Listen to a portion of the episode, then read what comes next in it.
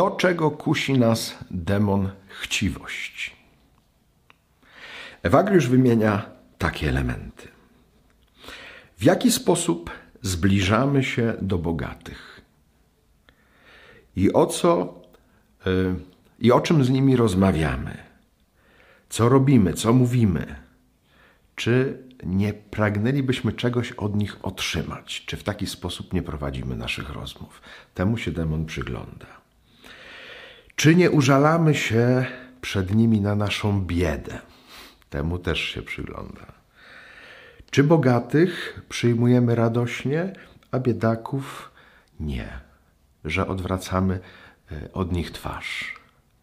To wszystko demon widzi. Demon chciwości.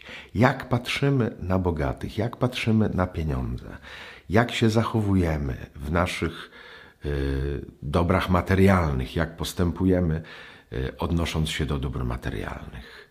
Jeżeli pragniemy być czyści w tej dziedzinie chciwości, warto zwrócić też uwagę i być roztropnym, patrzeć, jak to właściwie z nami jest, jakie postawy przyjmujemy, jakich słów używamy. Warto temu się przyglądać.